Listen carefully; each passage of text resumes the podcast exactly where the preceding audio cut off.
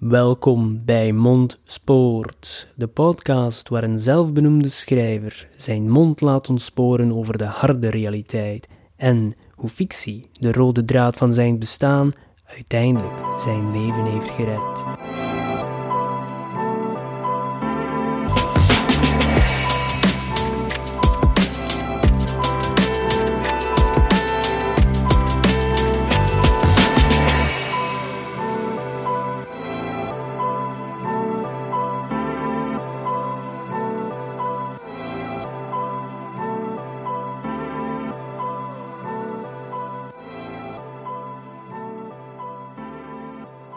Hi iedereen, welkom bij alweer een nieuwe aflevering van Mondspoort. En ik ben terug aanwezig, Said, de zelfbenoemde schrijver, vanuit zijn zolder. Als jullie vorige week geluisterd hebben, dan zullen jullie weten dat dat de essentie was van een aflevering van Mondspoort, waar mijn gedachten en mijn mond volledig ontspoorden van het topic die ik eigenlijk wilde brengen. Ik heb getwijfeld of ik die aflevering wel zou live zetten, maar uiteindelijk toch gedaan. Waarom? Omdat ik denk, zoals ik zei, het is de essentie van eigenlijk deze podcast. Dat is mijn bedoeling. Ja, ik praat over schrijven, ik praat over fictie, maar eigenlijk, yeah, I want to talk live. En ook tonen aan de mensen waar het soms verkeerd loopt. Uit onze fouten kun je leren, dus uit de mijne kunnen we samen leren.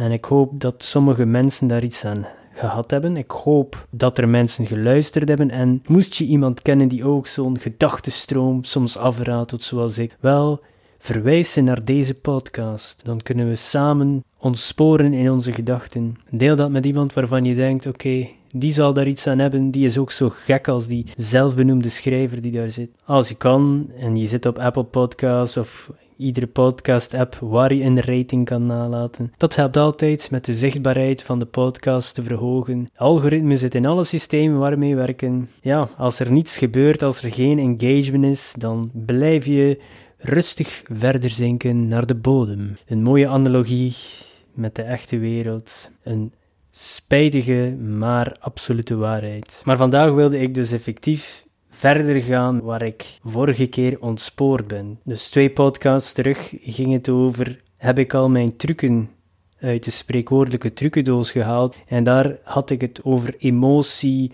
en technische kennis, onderbouwing van verhaal, zoals mijn eigen struggles met paniek en verslaving, die emoties die ik van binnen en van buiten ken, overbrengen naar mijn hoofdpersonage. Ga ik nog dezelfde echtheid kunnen brengen naar een nieuw personage waarvan ik niet per se zelf iets ervaren heb in het leven. Mijn opvolging daarop, die normaal vorige week ging uh, aangekaart worden, was dan het omgekeerde, eigenlijk een conflict van heel dat fenomeen. Dus geen trucken meer naar te veel. Is te veel inspiratie soms een probleem voor een auteur? Te veel ideeën. En dan zeg je, wow, wow, het eerst zeg je dat je al je trucken hebt uitgehaald en nu spreek je over je hebt te veel ideeën. Hoe is dat mogelijk? Wel, die trucendoos, zoals ik al zei, ging over de emotie en de kennis ervan.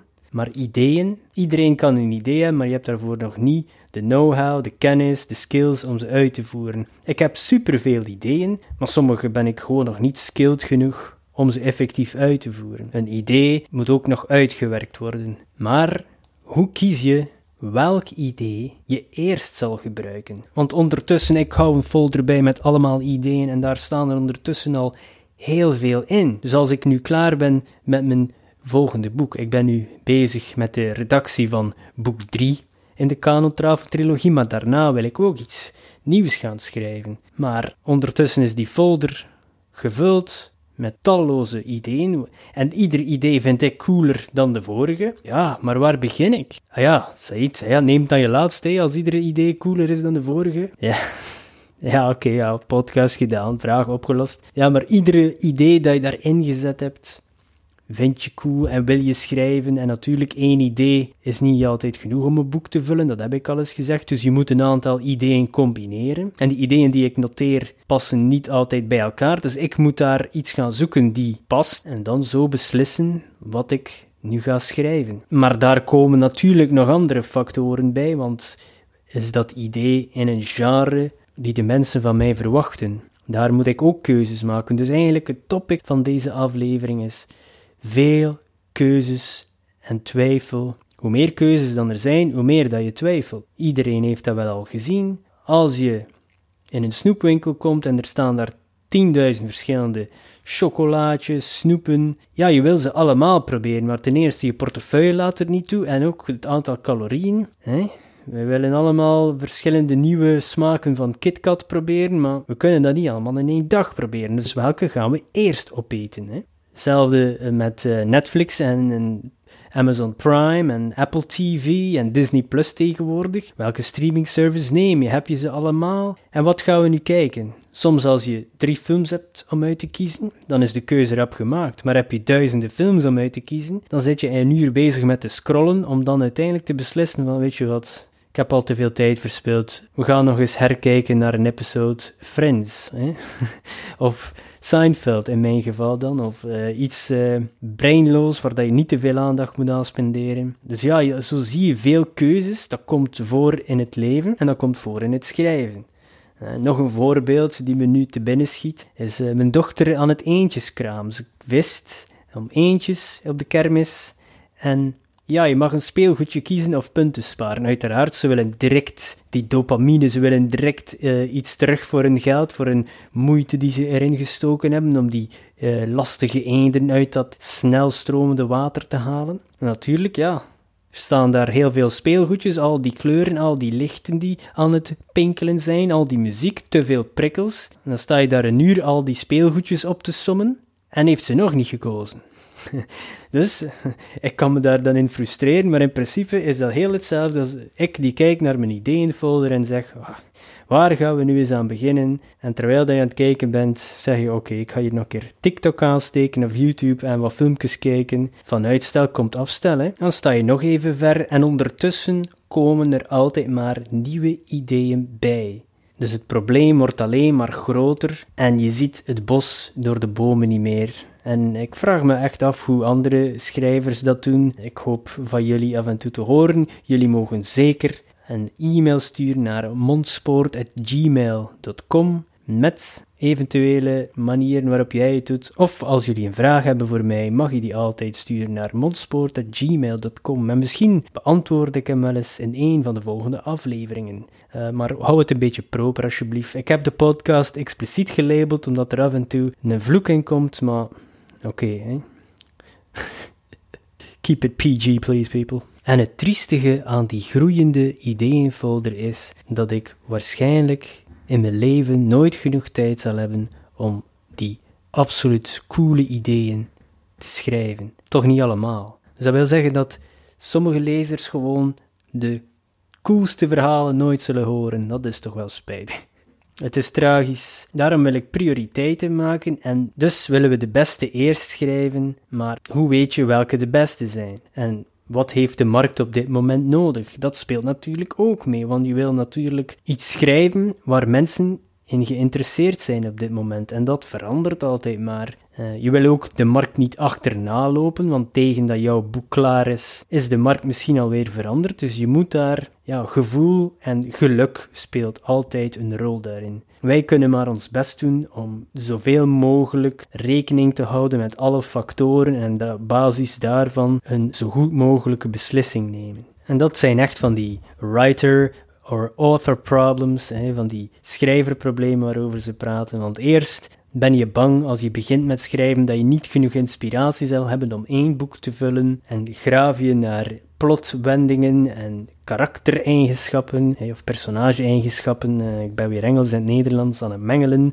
aan het mixen, shaken it up, maar graaf je naar alles wat je maar kan en neem je alle ideeën vast die je maar kan. En oh, hoe kan ik dat ooit herhalen? Kan ik ooit een tweede boek schrijven? En nu zit je opeens, je hebt die creativiteitskluis ontgrendeld in je brein en de creatieve sappen lopen eruit en wij doen gewoon ons best om die zo snel mogelijk op te vangen. Maar dan heb je één boeltje en weet je niet meer wat je ermee aan moet. Zoals ik al zei, author problems. En zelfs al heb ik dan de keuze gemaakt welk boek ik moet schrijven of met welk idee of ideeën we aan de slag gaan, binnen dat project kom je dan ook nog eens voor verschillende keuzes te staan. Een auteur moet eigenlijk constant beslissingen maken. Een boek schrijven is eigenlijk voortdurend beslissingen maken. Gaat mijn personage naar links? Gaat hij naar rechts? Wat gebeurt er als hij naar rechts gaat? Wie is de dader? Wat heeft de dader gedaan? Wat zijn zijn motivaties? Waar ik eerst moest zoeken achter een bepaald personage-eigenschap. Nu moet ik beslissen welke van de honderden die ik bijhoud in een lijst die ik zal gebruiken voor dit personage.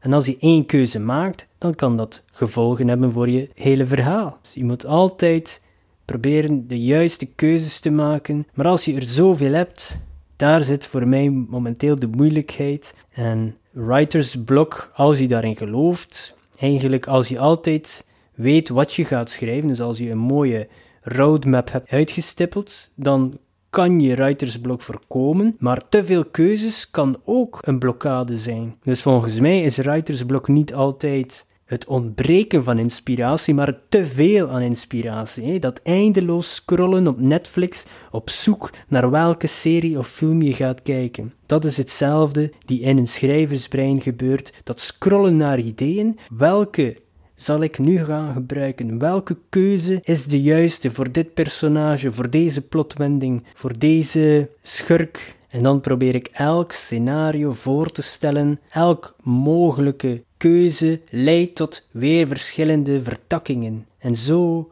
creëer je een wereld en zo leeft het ook. En dan probeer je vanuit het oogpunt, het perspectief van je personage de juiste keuze te maken. Net zoals je dat zelf zou doen in het leven. Je moet je voorstellen dat jij dat personage bent met de eigenschappen die hij heeft of zij heeft. En dan ga je vanuit dat perspectief een keuze maken. En eigenlijk hoeft dat niet per se altijd de juiste te zijn, want niet iedereen doet dat. Het moet niet de juiste zijn voor het personage, maar het moet wel de juiste zijn voor mij. If that makes sense, zeggen ze dan in het Engels. Een personage hoeft niet de juiste keuze te maken. Mijn hoofdpersonage in de Canon Travel trilogie doet dat alvast niet. En andere personages ook niet altijd. Maar het moet wel de keuze zijn die ik wilde maken voor dat personage. In de wereld van het boek moet het niet juist zijn, maar hier in onze wereld moet het de juiste zijn voor het boek. Dat is heel meta en ik hoop dat mensen die niet schrijven het snappen, want het is moeilijk om uit te leggen voor mij op dit moment. Ik hoop dat sommigen nog altijd mee zijn op de trein van Mondspoort, want dat zijn sporen die gelegd worden terwijl we rijden en we keren niet terug, dus we gaan gewoon door. En zoals keuzes in het echte leven weet je ook maar meestal pas achteraf als het de juiste geweest is. En dan nog, zeker in een boek, voor sommige mensen kunnen zeggen van, hm, ik had het zo niet gedaan. Of, hm, dat had ik liever anders gezien. En een andere persoon zal over hetzelfde zeggen, wauw, hey, dat is exact hoe ik het zou doen en dat is wat ik wilde, of ik had dat niet verwacht en dat is zo goed. Terwijl een andere mens kan zeggen van, wel, ik wil die kerel nooit meer lezen, want dat trekt op niks. Uh, die maakt constant de verkeerde keuzes. That's the way the cookie crumbles. Man, ik blijf dat maar zeggen.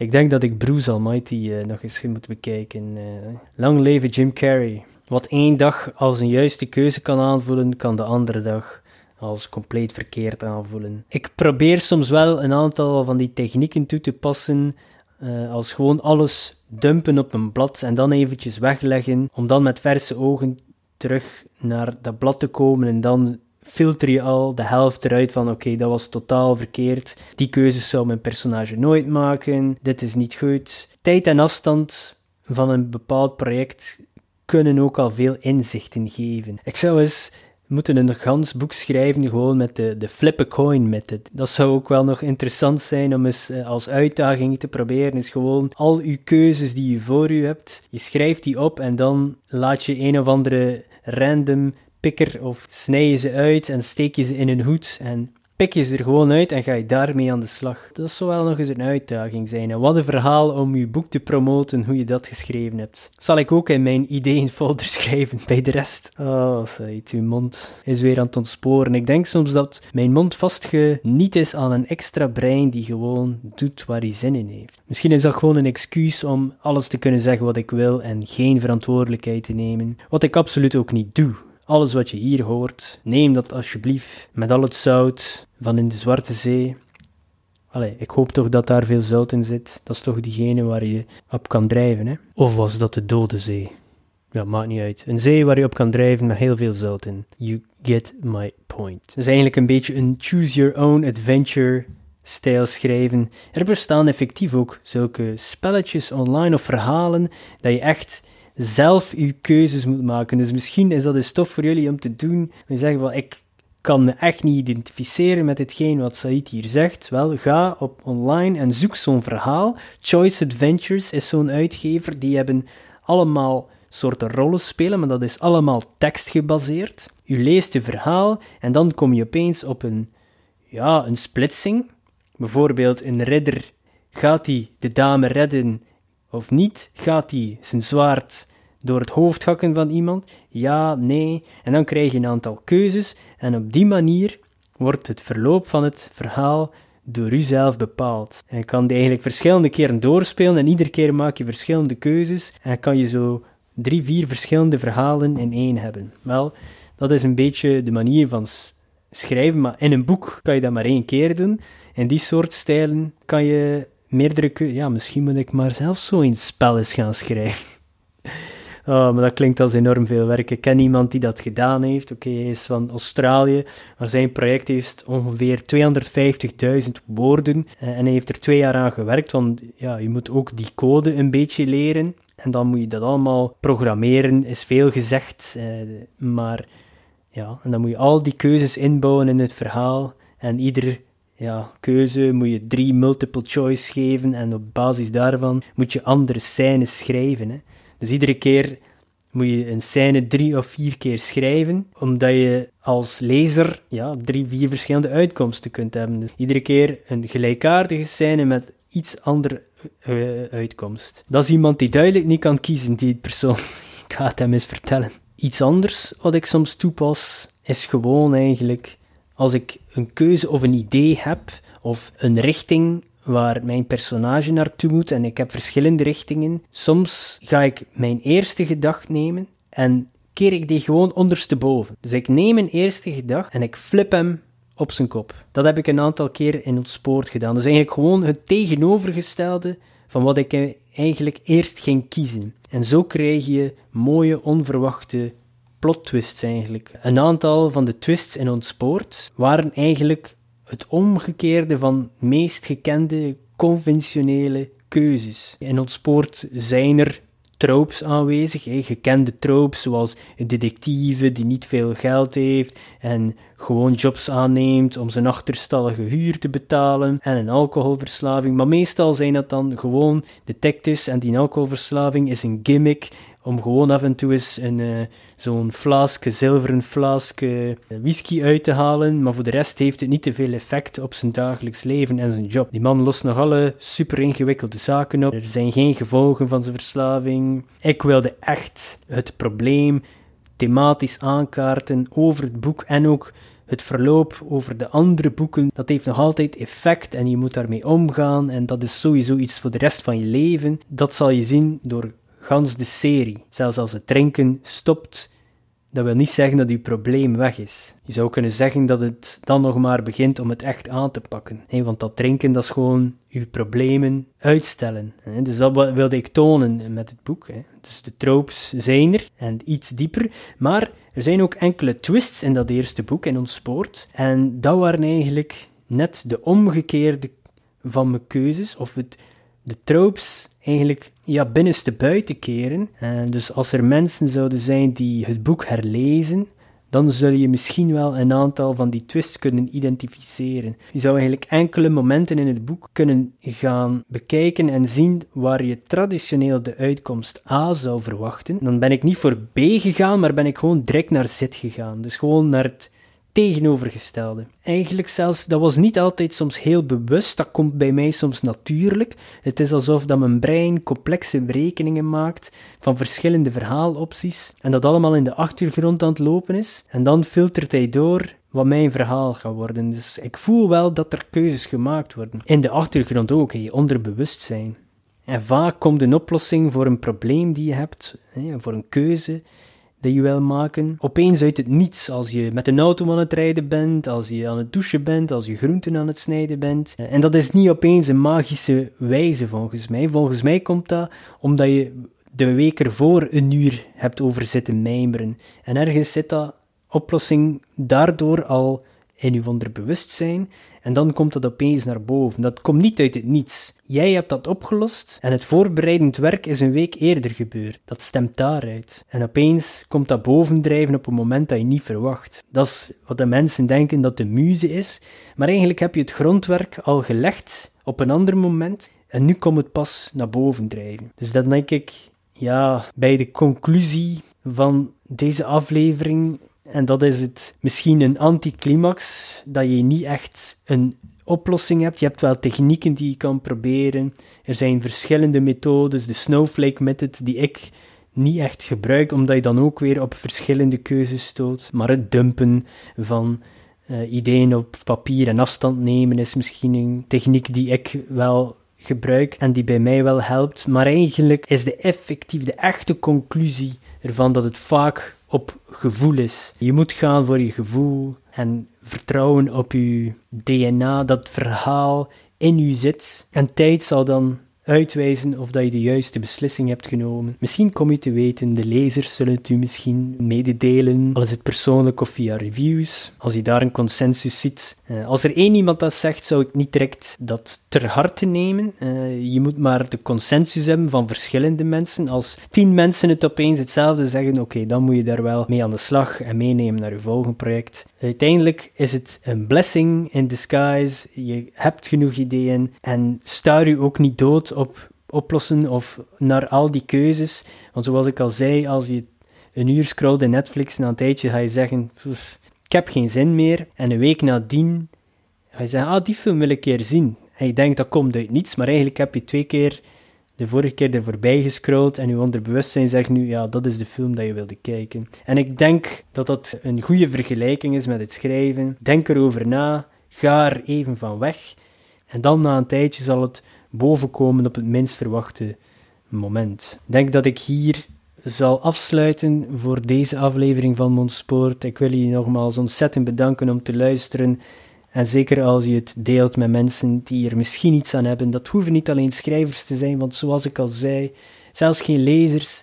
Ik wil er echt altijd iets insteken waar iedereen iets kan aan hebben. We gaan in volgende afleveringen nog meer praten over, uh, you know, real life shit, as I like to call it. Ik heb al een aantal keer mijn persoonlijke strijd vermeld, nog nooit echt diep in detail gegaan. Dat gaan we houden voor een andere keer, maar dat komt er ook aan. Ja, maar het moet gewoon de juiste moment zijn. Weet gewoon, ik heb diep gezeten om, vaak omdat ik te streng was voor mezelf en voor iedereen goed wilde doen, wat uiteraard onmogelijk is. En uh, daarom eindig ik altijd met mijn leuze, motto, Saidsgebod, wat je er ook van wilt noemen. Ik heb het niet uitgevonden, maar ik zal het wel blijven herhalen. En dat is: wees niet te streng voor jezelf.